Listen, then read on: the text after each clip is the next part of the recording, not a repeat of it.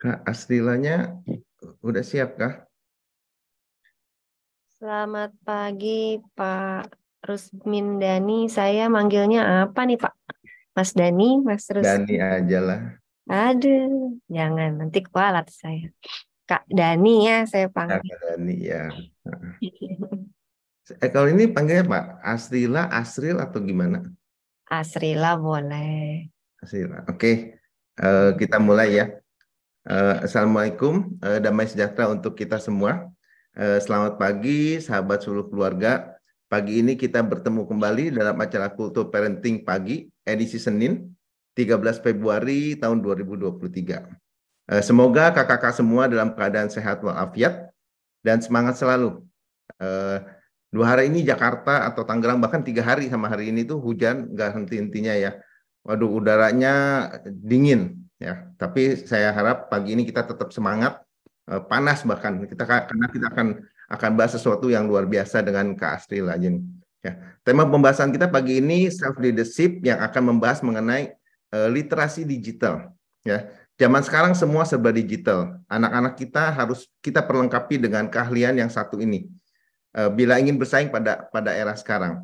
Tapi bukan hanya anak-anak, kita sebagai orang tua juga harus mengerti agar kita bisa mengarahkan anak-anak kita. Ya, dunia dunia yang dikelilingi segala, uh, oleh segala hal digital ini membuat literasi sangat diperlukan. Nah, apa saja sih dan bagaimana kita mendapatkannya? Uh, uh, saya pribadi, saya uh, uh, ada ada lihat dari medsos ya bagaimana AI baru yang namanya Chat GPT itu yang dapat berkomunikasi seperti manusia dengan kepintaran yang luar biasa. Bahkan saya saya saya uh, tonton itu bahwa dengan Chat GPT itu ketika dites gitu, itu orang eh, bukan orang lah, Chat GPT-nya itu bisa lulus sampai S2. Saya bilang, wah ini luar biasa sekali ya. Nah, pada kesempatan ini eh, kita akan berdiskusi eh, dengan ahlinya yaitu Kak Asrila ya seorang yang sangat concern pada pendidikan keluarga dan kita akan belajar bagaimana membentuk keluarga dengan literasi digital yang benar dan efektif. Eh, silakan Kak Sila. Baik Kak Dani, Assalamualaikum warahmatullahi wabarakatuh. Salam sejahtera bagi kita semua. Uh, pertama saya ingin mengucapkan terima kasih kepada Mbak Lovely nih senior saya di Asafena. Jadi begitu di uh, bisa nggak isi kultur parenting? Saya langsung siap, siap bisa, gitu. Dikasih tanggal dan um, apa temanya ya. Uh, kita sama-sama belajar ya, Kak Dani ya, uh, tentang literasi digital karena memang ini adalah sesuatu yang mungkin uh, boleh dibilang baru untuk kita, walaupun sebenarnya sih teknologinya sendiri udah dari zaman dahulu kala gitu ya. Hanya saja uh, dirasakan di Indonesia ini ya mungkin terasanya pada saat pandemi kemarin kita nggak boleh ke mana-mana gitu ya. Terus akhirnya kemudian um, uh, sedikit uh, bergeser bukan sedikit sebetulnya banyak ya ada disrupsi informasi juga yang kita alami. Uh, teknologi masuk secara gencar dan perkembangan dunia digital juga amat sangat uh, cepat gitu. Nah uh, saya kemudian uh, akhirnya memberanikan diri untuk menceburkan diri di di uh, ranah uh, literasi digital khususnya uh, untuk keluarga karena menurut saya dengan disrupsi informasi dan uh, digitalisasi ini sebetulnya yang kena dampak paling keras adalah keluarga. Tapi kita lihat dulu ya. Uh, sebelum nanti uh, saya dikasih waktu setengah jam nih buat paparan sama Kak Deli. Jadi saya bilang, aduh kayaknya kita uh, uh, mungkin uh, cuma bisa uh, ngobrol soal yang uh, perifer nih Kak Dania gitu, uh, pengenalan gitu. Karena kan uh, banyak sekali gitu ya. Banyak sekali poin-poin uh, yang sebetulnya harus kita dalami dalam uh, literasi digital ini khususnya untuk keluarga. Nah, biar kita bangun karena ini pagi dan di sini dingin gitu. dan di sini dingin biar kita rada bangun nih gitu. Saya mau kasih sedikit video boleh ya, Kak Dani ya? Silakan, silakan Kak. Dan kayaknya kalau kurang hari ini masih banyak waktu Kak. Ah. terus. Iya, mudah-mudahan. Mudah-mudahan yang lain melek ini soalnya udaranya benar-benar enak buat tidur ini. Tapi coba ya kita uh, semangatkan diri kita untuk menjelang era baru. Oke, kita lihat sedikit di sini. Apakah sudah terlihatkah di layar? Terlihat jelas. Oke, wait, wait, wait. Eh, eh. eh. Bentar ya, saya share sound dulu. Kita ulang dikit.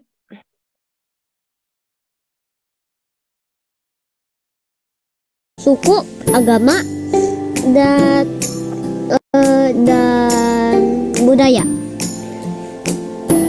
Kita harus menghargai dan meng, apa menghormati atau menghargai perbedaan agar tidak tidak tidak membuat seperti uh, berantem atau apalah gitu.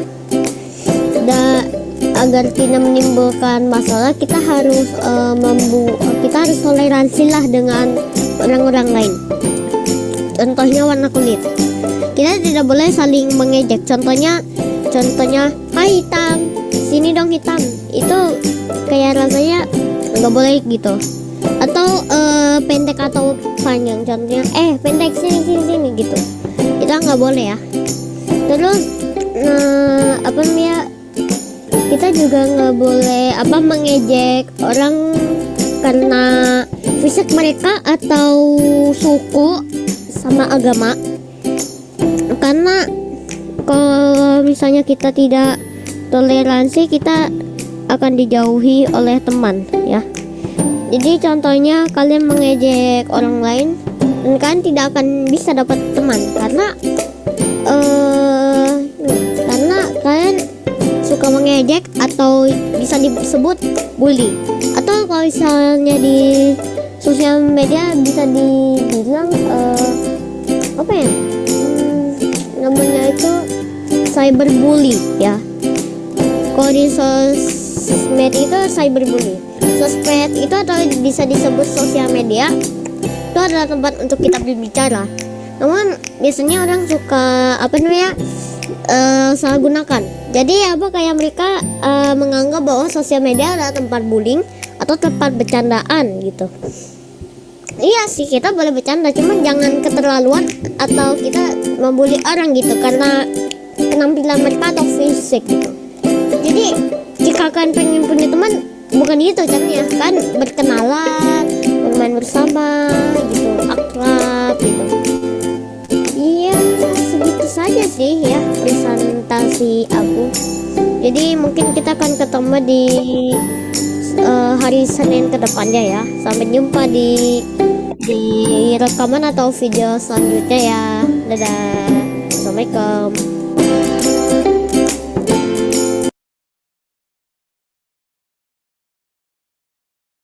Ya, itu sedikit cuplikan Kak Dani dari seorang anak.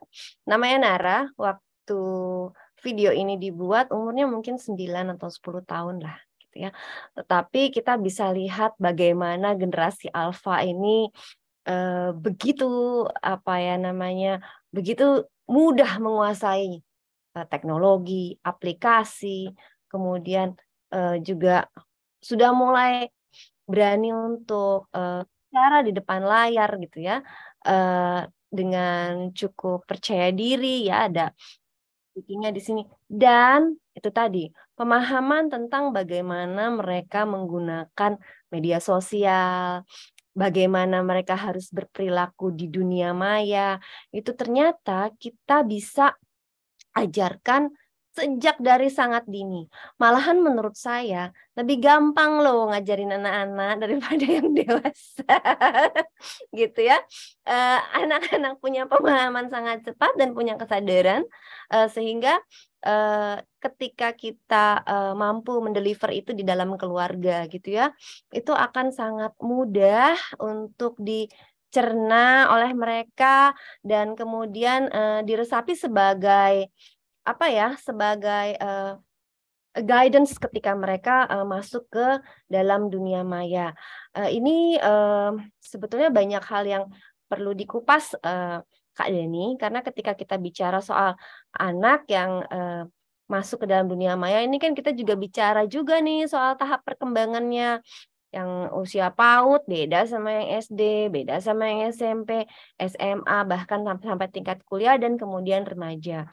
Nah, literasi digital ini sesungguhnya adalah uh, hari ini gitu, sesungguhnya adalah hal yang sangat penting yang perlu ditanamkan uh, kepada anak-anak sejak ini, sejak dini.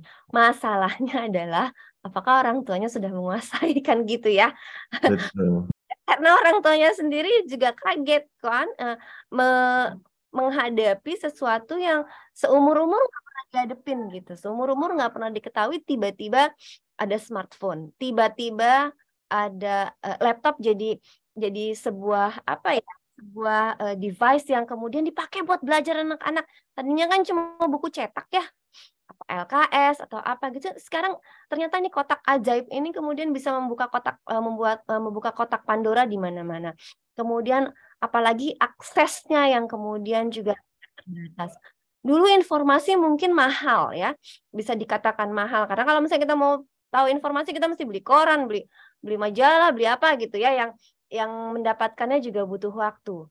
Sekarang informasi ada di ada di ujung jempol dan tunjuk kita gitu. Dan kita bisa mendapat akses informasi itu kapan saja di mana saja. Free lagi. Open source-nya di mana-mana terus kemudian semakin dengan semakin banyak informasi datanya semakin semakin banyak AI-nya jadi semakin cerdas ya Kak Dania. Kayak tadi ya chat GPT, wah ditanya apa aja dia bisa jawab gitu kan.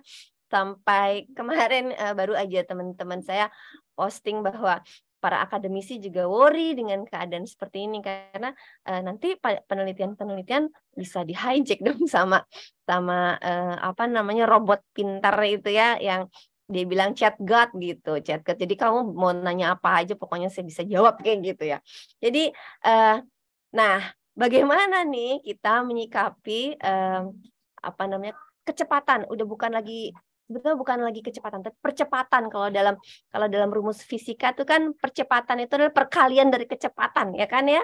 Jadi um, yang kita hadapi ini bukan lagi um, apa ya? Uh, kalau orang bilang kalau kita berjalan uh, uh, apa namanya kemudian baru belajar lari, yang sekarang kita hadapin justru quantum leap menurut saya gitu.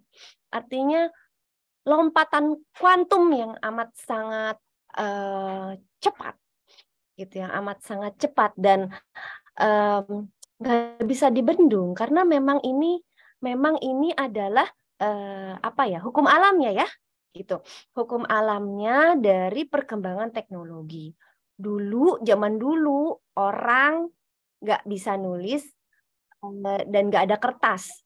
Nulisnya di batu nulisnya di apa pelepah pelepah daun dan sebagainya. Kemudian muncullah teknologi percetakan uh, kertas, kemudian muncul lagi teknologi tinta, uh, muncul lagi teknologi alat tulis dan sebagainya, sampai kemudian ada mesin ketik, sampai kemudian ada komputer manual, dan sekarang kita diberkahi Tuhan mungkin ya mencicipi nih. Kalau yang umur-umur kita nih sebenarnya ada di ada di masa transisi aja gitu. Di ujung depannya cuman kepengen cuma dikasih kesempatan untuk nih lihat nih ada ada ada peradaban baru nih. Eh, kita dikasih uh, apa Tuhan uh, kesempatan untuk mencicipi peradaban baru ini. Kita nggak tahu 10 tahun 20 tahun ke depan 30 tahun ke depan seperti apa teknologi. Kita mungkin udah nggak ada gitu ya. Jadi jadi menurut saya uh, tetap uh, peran orang tua dalam menjaga dan mengarahkan anak-anaknya menjadi begitu penting di era yang serba bebas nilai. Kalau kita udah masuk ke dalam dunia maya, maka kita akan masuk ke dalam dunia bebas nilai. Kenapa? Ya semua boleh gitu. Semua bisa. Kalau sekarang pertanyaannya untuk anak-anak sebetulnya bukan gini. Dek, kamu bisa apa enggak? Atau nak, kamu bisa apa enggak untuk menggunakan teknologi? Semua bisa dijawab bisa. Semua bisa. Karena ini uh, skill yang bisa dipelajari. Dan anak-anak kita yang uh, terutama di tahun 2000-an ya. yang kita bilang generasi alpha gitu, Gen Z alpha. Mereka adalah native digital gitu. Mereka lahir sudah bersentuhan dengan dunia digital.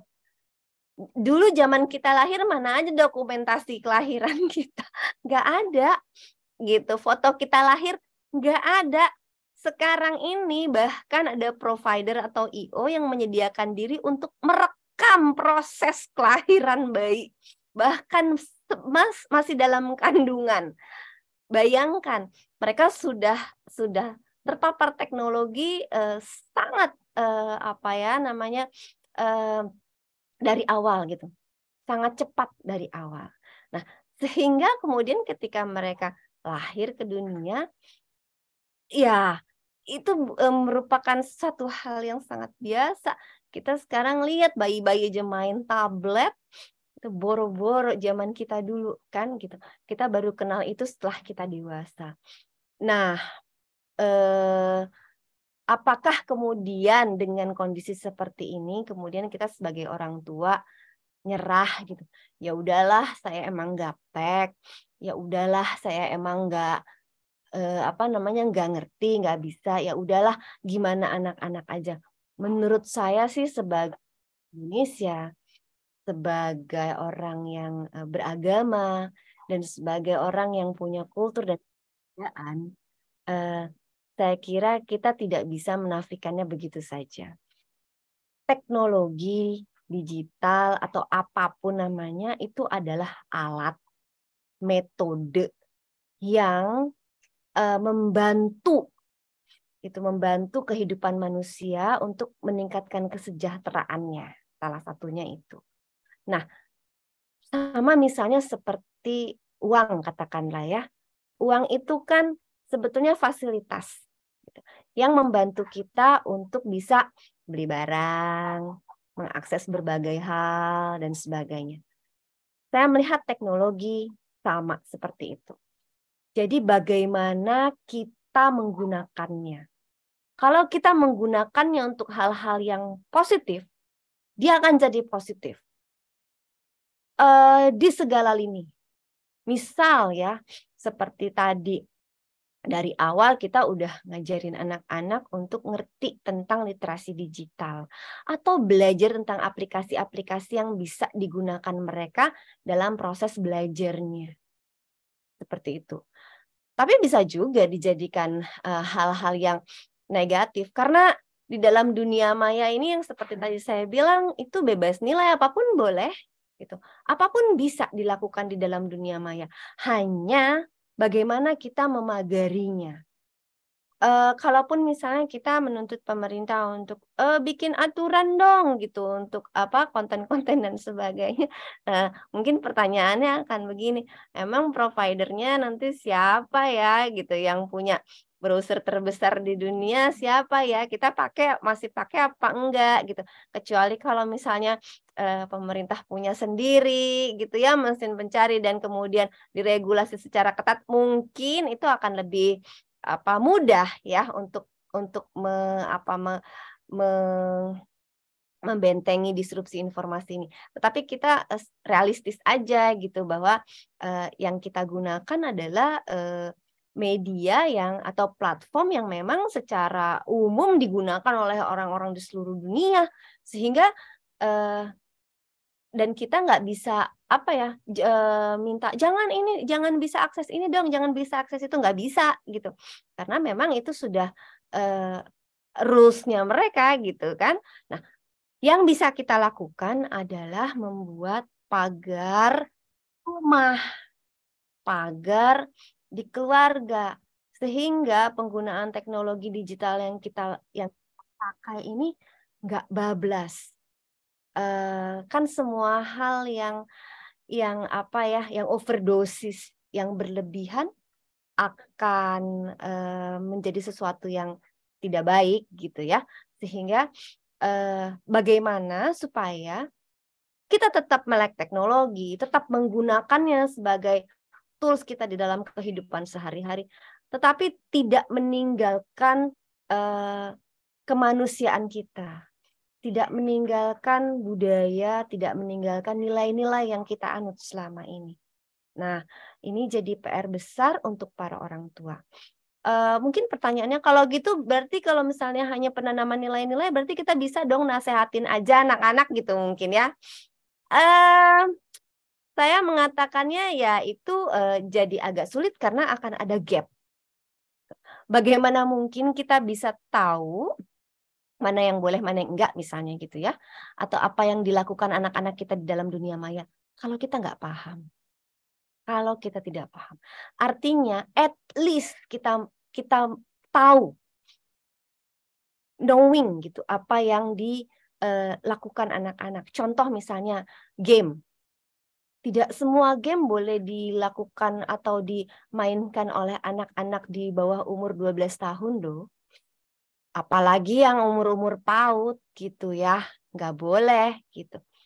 Ada batasan usia, ada ratingnya di game-game tersebut. Nah, orang tua yang mesti paham menurut saya game apa saja yang boleh dimainkan oleh anak-anak. Misalnya, apakah game-game seperti PUBG atau ML walaupun itu adalah eh, game-game yang eh, sekarang digunakan oleh pro player ya uh, profesional untuk e-sport gitu ya. Tapi apakah itu boleh dimainkan oleh anak SD misal. Karena ada batasan usia. Kemudian permainan-permainan eh, atau game-game yang misalnya mohon maaf nih mengarah pada uh, sensualitas misalnya. Pornografi misalnya. Itu ada di dalam konten-konten game. Kalau orang tuanya nggak ngerti, kan kebayangnya cuma oh anak saya main game, uh, anteng udah selesai. Padahal sebetulnya uh, ada uh, banyak hal uh, yang uh, mungkin belum boleh gitu ya diakses oleh anak-anak uh, yang usianya masih uh, dini atau masih kecil. Nah, Um, jadi itu baru satu hal ya, baru satu. Kemudian juga penggunaan aplikasi-aplikasi nanti yang ada di dalam dunia maya yang bisa dipakai anak-anak. Eh, ini sebelum saya sudahi, ada satu hal, satu hal yang sebenarnya menggelitik sekali, menggelitik saya selama ini gitu. Um, pemerintah kan kampanye tentang bagaimana memblokir situs-situs pornografi, judi, kekerasan dan sebagainya, gitu ya. Uh, untuk apa namanya? Untuk provider-provider lokal mungkin itu terblokir, Pak. Tapi kalau anak-anak udah pinter banget, mereka tahu kok aplikasi yang bisa dipakai untuk membuka situs-situs tersebut.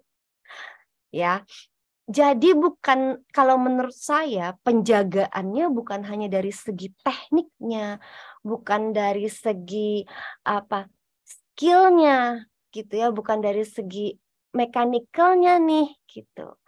Kalau kata anak-anak tuh adu mekanik gitu, bukan bukan dari situ, tapi nilai yang tertanam pada diri anak tersebut atau kita sebagai orang tua kalau kita tahu bahwa apa yang akan kita akses itu akan mendapatkan mudarat, nah kita bisa bilang sama diri sendiri, stop. I don't have to open it. Gitu. Kalau value itu sudah ada di dalam diri kita.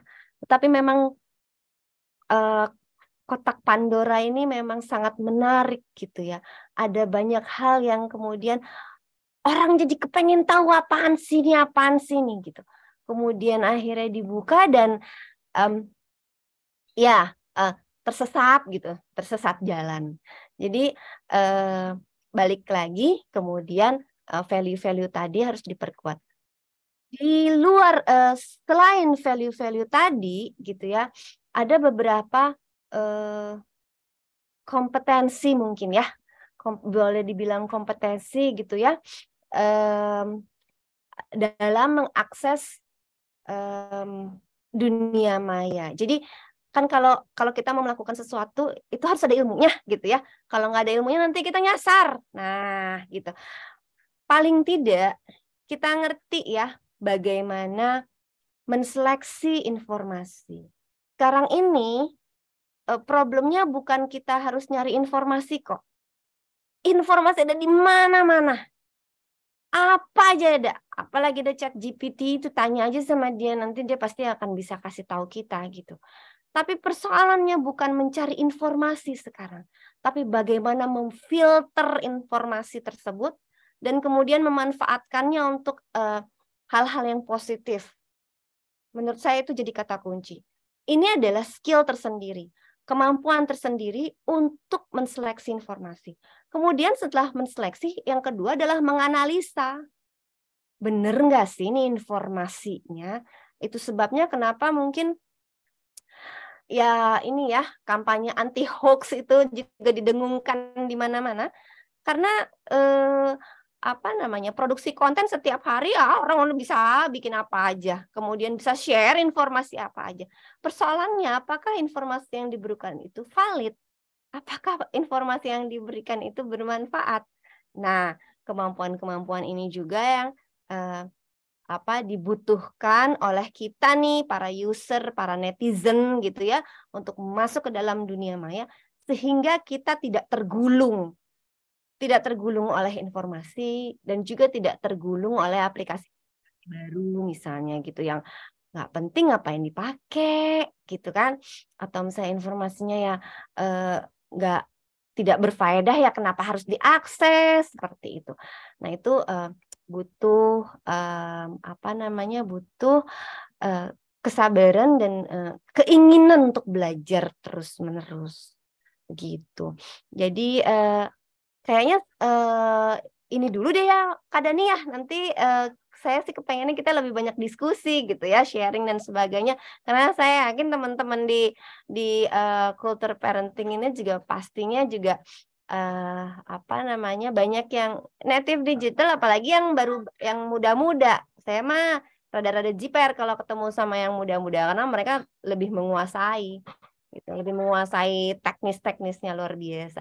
Itu saja mungkin dari saya. Terima kasih Kak Dani. Terima kasih Kak Astrila eh, sangat menarik ya dan saya setuju ini baru kulitnya aja. Tapi kulitnya aja ini udah menjadi dasar nih untuk untuk kita para orang tua ya Tadi sangat jelas sudah dijelasin bahwa eh, digital ya sesuatu kayak kotak Pandora yang sangat menarik ya. Nah, masalahnya memang itu ketika dibuka itu ada pilihan nih gitu. Ya kita nggak bisa nggak bisa nggak buka harus buka dan lihat dan tapi ada pilihan lah itu itu bisa menjadi positif bisa menjadi sangat berguna tapi itu juga bisa membahayakan nah karena itu perlu ada apa kita harus mengerti dan, dan dibilang tuh tadi mesti apa eh, menganalisa juga gitu. Ya itu itu berguna atau enggak.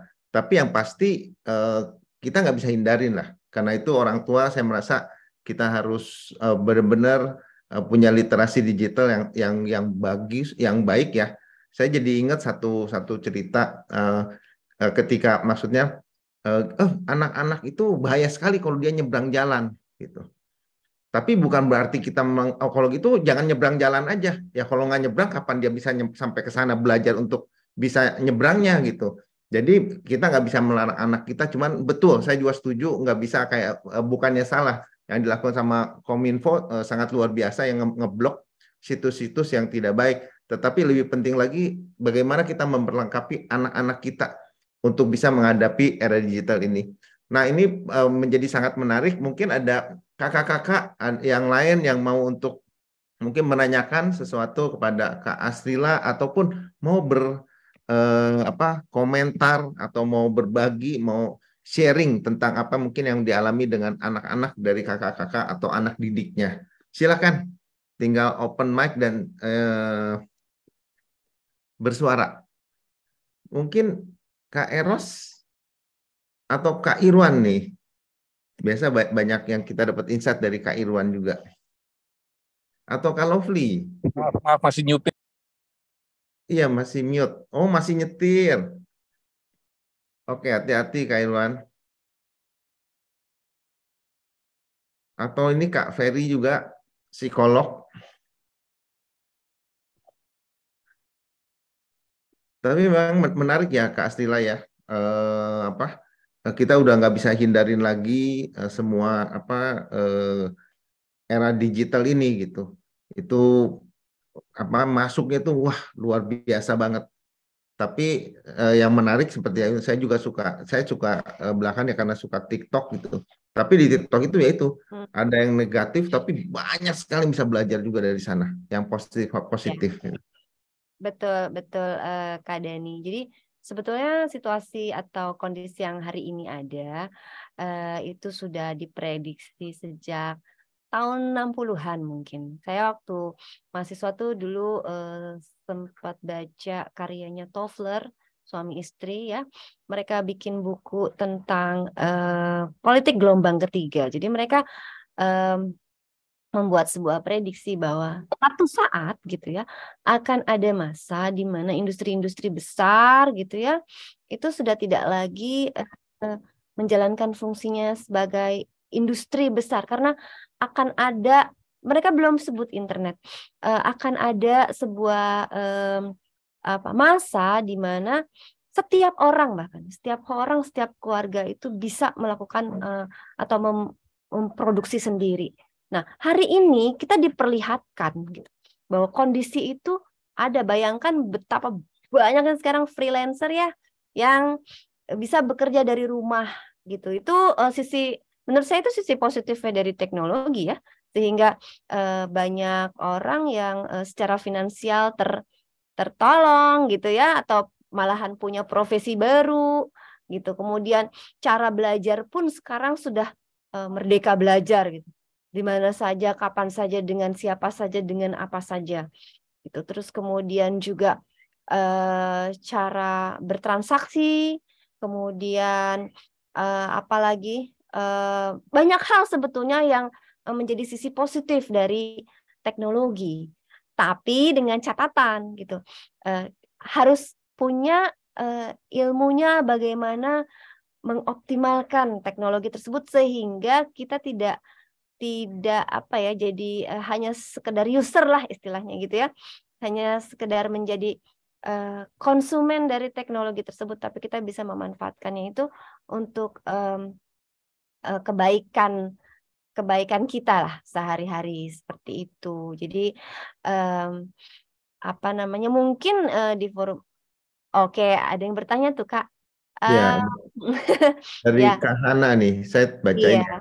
Kak ingin bertanya bagaimana memberikan pengertian kepada anak remaja yang sudah sering membuka situs pornografi baik di YouTube, IG atau Telegram. Nah, Nah, Kak. nih kan mulai memang nggak bisa dibendung ya, karena itu uh, bisa dibuka sama siapa saja gitu.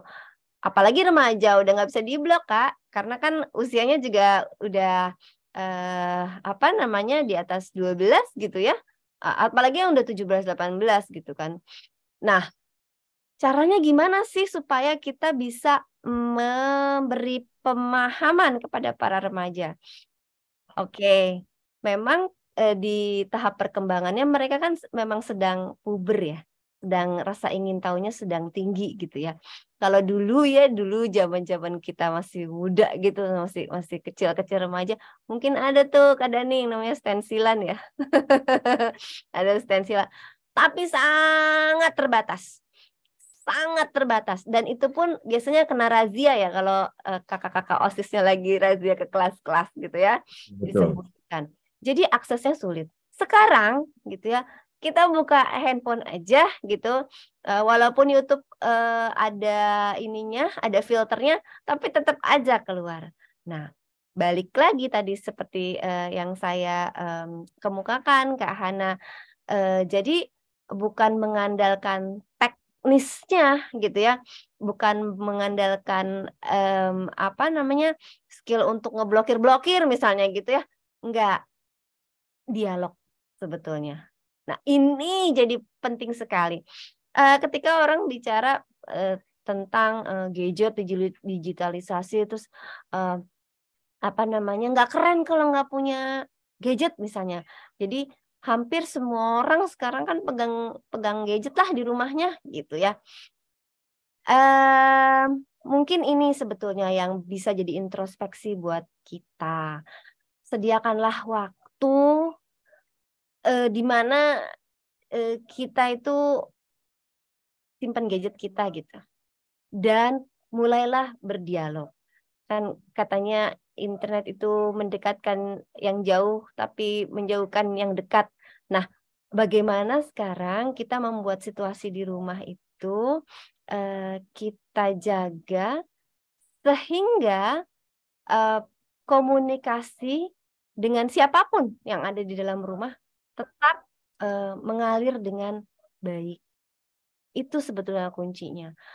Ngobrol aja soal tadi ya tentang uh, tentang pornografi itu apa sih gitu. Kemudian um, kenapa sih kok kamu seneng apa namanya? Kamu seneng uh, buka-buka yang kayak gitu. Kamu kok pengen tahu apa? Nah, orang tua zaman sekarang memang sih dituntut untuk lebih open minded ya Kak Dani ya gitu ya. Dulu mungkin bicara soal pornografi ya tabu gitu. Tapi sekarang ketika itu ada di mana-mana, itu menjadi topik menurut saya yang sangat penting untuk dibicarakan.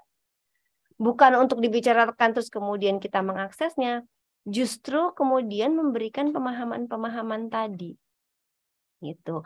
Bahwa eh, kalau kalau kita sering mengakses itu mudorotnya apa, efeknya secara mental ke kamunya apa, efeknya secara mental ke ibu apa, ke ayah apa, ke adik-adik apa. Eh, kuncinya adalah dialog sebenarnya. Gitu. Parenting itu kuncinya dialog. Karena kalau kita cuma bilang, gak boleh buka, gitu. Itu dosa. Anak-anak sekarang ini full of reasoning, dia harus tahu why, kenapa aku nggak boleh gitu. Ada apa sampai aku nggak boleh? Kan aku kepengen eksplorasi. Nah, daripada dia eksplorasinya di luar, lebih baik dia eksplorasinya sama orang tua karena orang tuanya pasti akan mengarahkan ke hal-hal yang positif. Saya nggak yakin ada orang tua yang menjerumusin anak ya kadang ya. Jadi uh, lebih baik eksplorasinya sama orang tua deh gitu. Aduh tapi aku tuh nggak nggak apa maksudnya masih uh gitu segan atau malu gitu orang tuanya untuk membicarakan hal-hal yang sensitif gitu. Nah iya, ayo teman-teman semua, ibu-ibu, bapak-bapak kita uh, kita di challenge nih sebenarnya itu hidup di era yang sekarang tuh kita di challenge untuk membuka seluas-luasnya pemikiran kita. Uh, untuk apa? Supaya kita bisa tetap uh, terakses kepada anak-anak ya, khususnya. Gitu. Karena ketika kita menutup diri, maka yang terbuka adalah dunia maya. Yang terbuka adalah internetnya.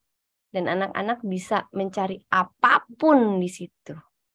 Jangan sampai kita kehilangan mereka gitu hanya karena kita merasa aduh ini eh, kita nggak mampu yuk kita kawal deh anak-anak kan kalau di apa eh, kalau kita punya komunitas kayak gini kan enak ya Kak Dani ya bisa ngobrol Betul. dengan satu sama lain dan kemudian nanti tips and triknya apa sih gitu ngobrol sama anak-anak apalagi yang remaja jadikan mereka teman itu aja sih itu mungkin Kak Dani Ya, makasih Kak Stila. Uh, ada kata-kata yang yang bagus menurut saya bahwa kita ini di challenge sama uh, era sekarang era digital ini gitu ya. Karena kalau kita kalah sama challenge-nya berarti kita seolah kehilangan anak kita ya gitu. Dan ya kita harus harus hadapi itu harus uh, apa? menghadapi challenge itu dan harus menang untuk memenangkan anak-anak uh, kita.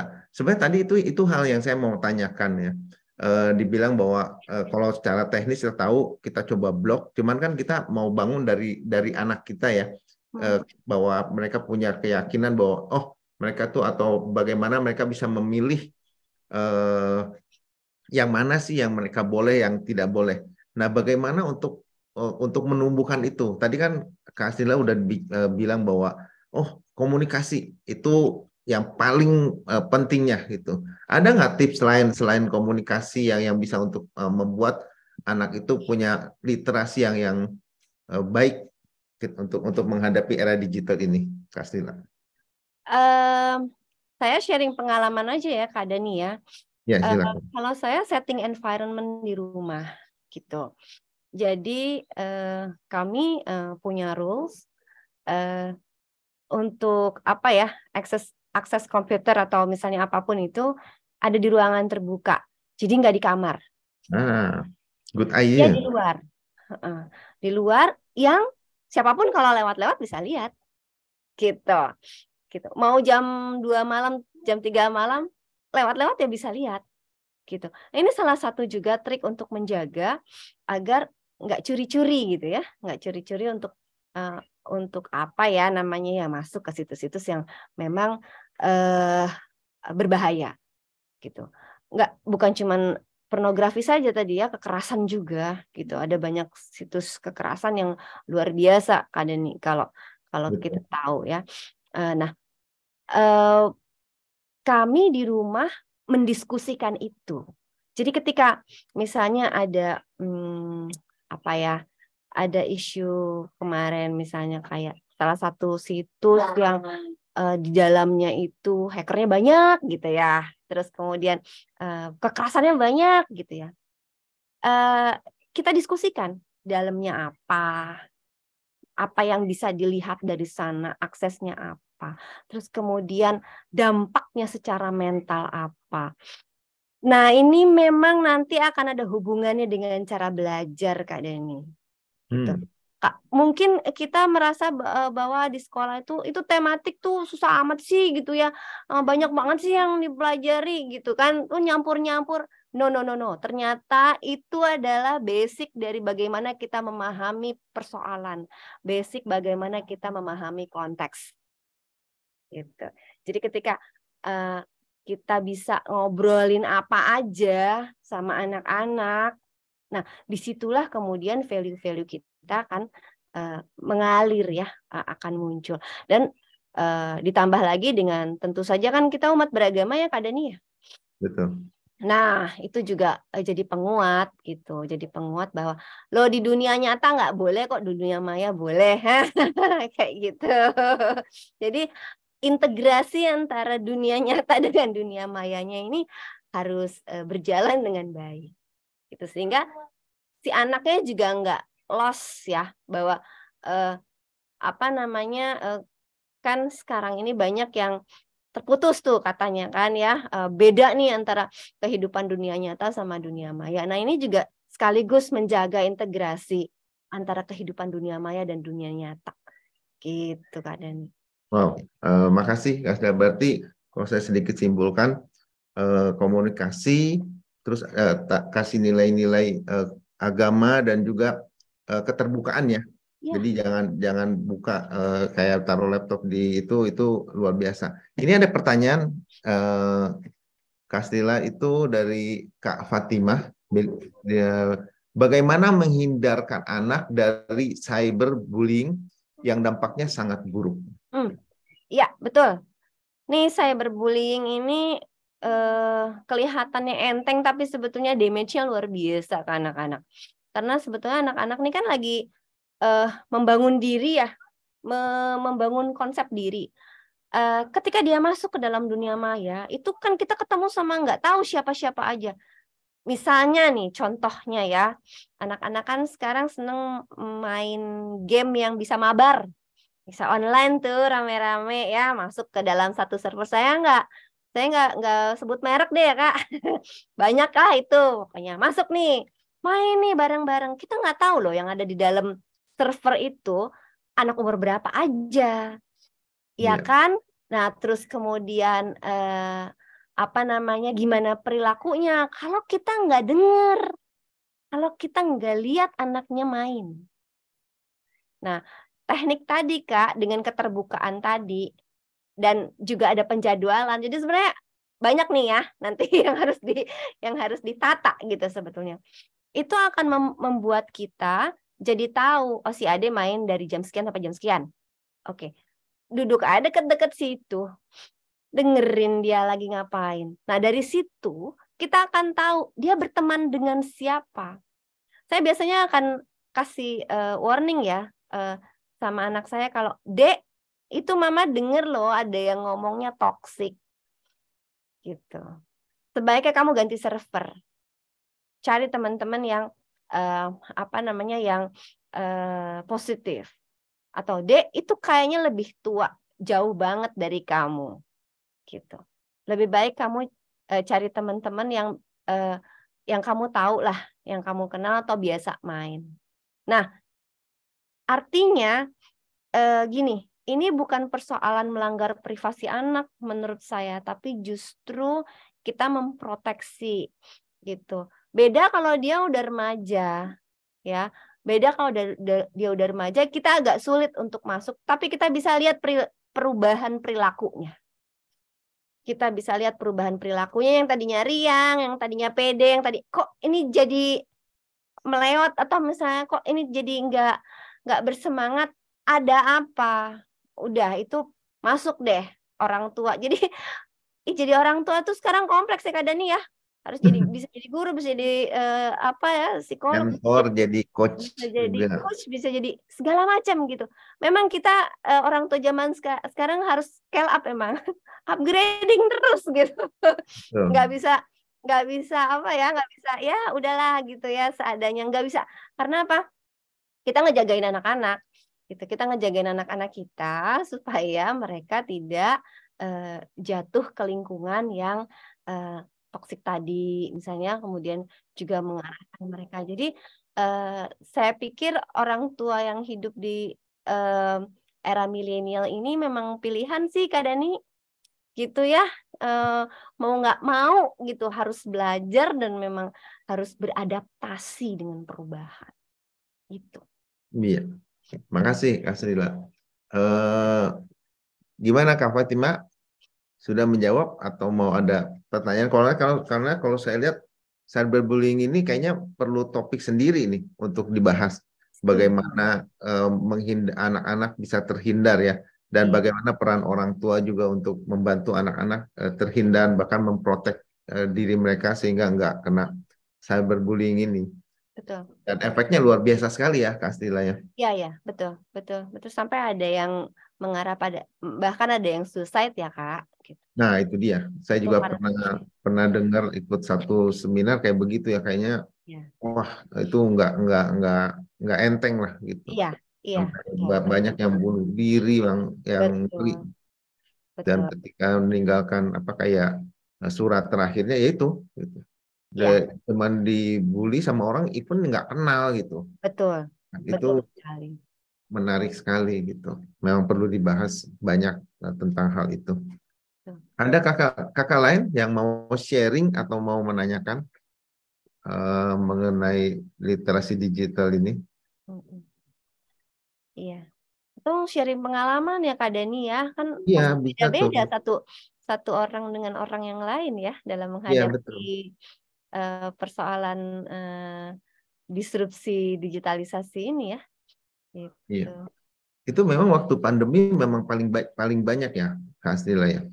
Maksud uh, perubahan itu atau sekarang udah kembali lagi nih kembali ke kan saya dengar kalau untuk di di apa di ekonomi kan memang kayaknya ternyata salah perkiraan nggak makin banyak maksudnya kayak jual beli itu ternyata oh orang mau kembali lagi mereka suka lebih suka offline gitu ya uh, kalau di di apa pendidikan atau anak itu bagaimana Kastila? Um, ya memang ini eh, balik lagi pandemi itu jadi seperti gerbang yang membuka apa membuka eh, ruang-ruang yang tadinya tertutup. Sebetulnya Kak Dani, uh, e-learning atau online learning sendiri kan sudah masuk ke Indonesia itu sejak tahun 2000-an awal sebenarnya. Gitu ya. Tetapi kemudian uh, baru digunakan dalam uh, segmentasi tertentu gitu. Ngapain sih pakai online kan gitu ya orang dulu. Nah, uh, kemudian uh, internet sendiri juga sudah lama masuk tetapi ketika pandemi itu kemudian orang menjadi tersadar bahwa ada satu situasi di mana uh, kita nggak bisa ke mana-mana dan uh, yang bisa menjangkau hanya teknologi digital ini gitu. Di situlah kemudian uh, terbentuklah apa ya uh, kalau boleh dibilang faksi-faksi gitu ya faksi-faksi di mana kemudian orang-orang uh, yang dalam tanda kutip mungkin cukup ready untuk untuk masuk ke dalam dunia digital ini kemudian ya uh, berlari di depan gitu. Dan uh, sebagian besar lagi kemudian mungkin memilih hybrid ya.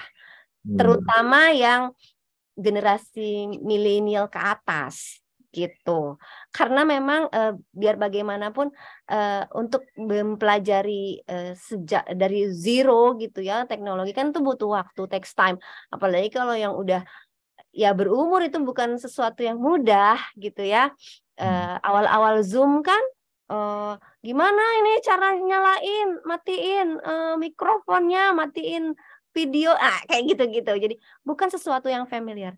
Tetapi untuk anak-anak yang eh, apa generasi yang Gen Z, Alpha, post Alpha, mereka saya kira sudah akan menjadikan eh, apa platform digital ini sebagai pijakan mereka nanti ke depan, gitu. Ya. Jadi eh, balik lagi seperti yang tadi saya bilang kita mah ya di kita nih transisi gitu antara ikut atau enggak ya? Ikut atau enggak ya? Gitu. Nah uh, tetap, tetapi saya melihat bahwa uh, anak-anak yang uh, generasi selanjutnya itu akan uh, akan lebih cepat ya akan lebih uh, cepat dan akan akan tetap stay dengan platform-platform ini. Bahkan uh, pengembangannya luar biasa. Luar biasa pengembangan uh, konten digitalnya aplikasinya apa pun itu namanya gitu. Skill-skillnya gitu. E, sehingga e, ya kalau saya memposisikan diri kita belajar deh kita belajar untuk catch up mereka. Walaupun saya juga nggak ambisius untuk bisa aku harus menyamai kemampuan mereka ya di dalam uh, digitalisasi gitu. kita ini ingat umur aja. Tapi paling tidak kita bisa catch up dengan langkah mereka supaya itu tadi balik lagi ngawal. Kita kawal kita kawal terus. Saya juga nggak tahu sampai berapa panjang kita bisa kawal karena teknologi itu punya tadi eh, quantum leap ya lompatan-lompatan yang kita nggak tahu eh, seberapa jauh karena anak saya aja yang kecil udah bicara soal teleportasi. Di tingkat SD ngomongin teleportasi gitu ya. Jadi eh, Oke, okay, let's let's do it aja deh. Gitu kita kita belajar apa yang kita bisa uh, dan um, apa ya uh, teknologi kalau dipakai itu seperti bahasa kan, jadi biasa gitu. Hmm. Kalau kita hanya terpapar dalam konteks knowledge aja, kita memang agak sulit. Tapi kalau misalnya kita pakai gitu ya, kita pakai dalam kehidupan sehari-hari, saya pikir itu uh, akan lebih membantu kita untuk bisa uh, memahami teknologi digital gitu kan ya. ya makasih kasih ya jadi memang teknologi itu memang kita harus pelajari dan banyak gunanya lah. Uh, memang saya pribadi juga ketika saya lihat chat GPT itu gitu kan setelah itu muncul tuh banyak sekali AI AI lainnya saya lihat waduh ini nggak tahu mau ke mana. Bukannya sekedar kehidupan tapi mau itu bisnis mau apa itu waduh ini akan terjadi perubahan yang luar biasa yang oh. saya juga nggak bisa membayangkan akan seperti apa nih. Tiga tahun ke depan dua tahun ke depannya kayaknya akan akan terjadi hal-hal yang luar biasa. Nggak tahu di dunia pendidikan juga pasti ada ada hal saya nggak ngerti lah masih belum saya itu. Tapi ya kita harus ikutin saya setuju. Kita harus mengikutin eh, ya untuk uh, anak kita sendiri terutama ya hmm. untuk supaya kita bisa mengawal mereka gitu Uh, udah jam 8 nih, tapi ini ada pertanyaan terakhir. Ini juga pertanyaan yang saya rasa harusnya dijawab satu sesi ini. Tapi nggak apa-apa. Kita kita dengar dari Kak Astrid aja dan yeah. dari Kak Fatimah pertanyaannya. Yeah. Iya. Uh, apa efeknya bila anak sudah terpapar pornografi? Ya, memang ya adiksi ya. Mudah-mudahan sih belum sampai adiksi lah. Saya sih ber berasumsinya, berharapnya ini keingintahuan ya gitu. Kerasa penasaran si anak gitu ya atau remaja pengen tahu apa sih itu? Karena dia mungkin eh, belum mendapatkannya tapi dengar-dengar dari teman misalnya kayak gitu. Dan kemudian dia bisa oh taunya dari um, media sosial gitu atau dari internet. Nah eh, saya sih berharapnya ada di level itu ya Kak Dani. Kalau berada dalam level itu artinya kita masih bisa memberikan uh, tadi pemahaman-pemahaman, ngajak kepada kegiatan-kegiatan yang lebih positif. Remaja itu energinya besar. Jadi kalau dia apa gabut gitu ya, dia pasti akan cari-cari macam-macam yang aneh-aneh gitu. Nah, eh, berikan mereka kegiatan yang memang nguras energi olahraga yang udah paling efektif sebetulnya untuk untuk remaja. Walaupun kita lihat dulu ya anaknya kinestetik apa apa tidak gitu apa dia lebih ke kognitif apa lebih audiovisual pokoknya dicari dulu deh ininya talentnya si si remaja kasih kegiatan banyak-banyak biar apa energinya keluar. Nah seperti itu. Kalau bisa ada pada level itu dan kita dampingin insya Allah sih eh, akan terlepas. Yang bahaya adalah kalau sudah terjadi adiksi, kecanduan. Nah, ini kalau udah kecanduan kayak gini, saya kira betul tuh Kak Dani, kita perlu satu sesi khusus dan mungkin konseling ya. Penanganan profesional untuk bisa lepas dari kondisi adiksi ini. Mudah-mudahan sih enggak lah, enggak sampai situ ya. Iya. Terima kasih Kak Stila. Uh, jadi yang efek yang terberatnya itu ya kecanduan itu ya. Hmm. Dan uh, yang bahaya nanti apa terrealisasi di dunia nyata itu yang bikin pusing kepala. Hmm, ya, ya, ya, ya. ya nggak terrealisasi di dunia nyata juga pusing kepala Kak Dani karena kan berefek pada uh, apa namanya perilakunya, kesehatan mentalnya dan kesehatan mental ya. Betul betul, setuju setuju. Ya. Memang itu harus dihindari dan ya saya setuju kalau kita perlu kayak perlu uh, sesi khusus juga untuk bahas itu tuh karena itu banyak sekali uh, anak terutama anak remaja yang uh, tercemar pornografi itu ya. Jadi sekali lagi waduh uh, terima kasih sekali Kak Astrila untuk untuk uh, sharingnya uh, luar biasa. Uh, saya pribadi juga bisa bisa belajar banyak uh, mengenai literasi digital betapa pentingnya uh, itu ada di dalam satu keluarga ya. Uh, sebelum uh, ada closing statement mungkin Kak Deli bisa difoto, kakak-kakak juga bisa kalau bisa buka apa kamera ya kita mau foto bersama untuk hari ini. Uh, silakan Kak Deli dan silakan Kak Asila untuk closing statementnya. Uh, baik um, Kak Dani, apa ya closing statementnya? Saya cuma kepengen uh, menyapa Bapak Ibu semua yang uh, satu profesi sebagai orang tua gitu. Um, ayo kita uh, terus belajar itu aja sih Kak Dani mungkin ya karena um, tanpa belajar kita dan tanpa membuka diri saya kira kita akan uh, menghadapi banyak hambatan untuk membersamai anak-anak kita di era yang disrupsinya luar biasa ini. Jadi uh, ayo kita bergandengan tangan bareng-bareng kalau misalnya nanti mentok uh, ya sharing satu sama lain dan uh, jadilah teman buat anak-anak kita. Itu aja. Ya. Setuju sekali, makasih sekali Kak Astrila. Saya setuju seperti saya bilang dengan apa ada chat GPT ataupun banyak lagi eh, yang lain tuh waduh kalau kita nggak benar-benar belajar dan mendampingi anak kita nggak tahu dunia ini akan dibawa ke mana anak kita akan seperti apa. Uh, jadi terima kasih. Uh, sebagai penutup uh, saya mohon maaf sebesar-besarnya bila ada perkataan uh, pernyataan ataupun gestur tubuh yang kurang berkenan kami tidak ingin menyakiti atau menghina juga tidak merendahkan juga tidak ingin menggurui kami hanya ingin membagikan apa yang menjadi keyakinan kami dan apa yang kami kerjakan dalam kehidupan sehari-hari.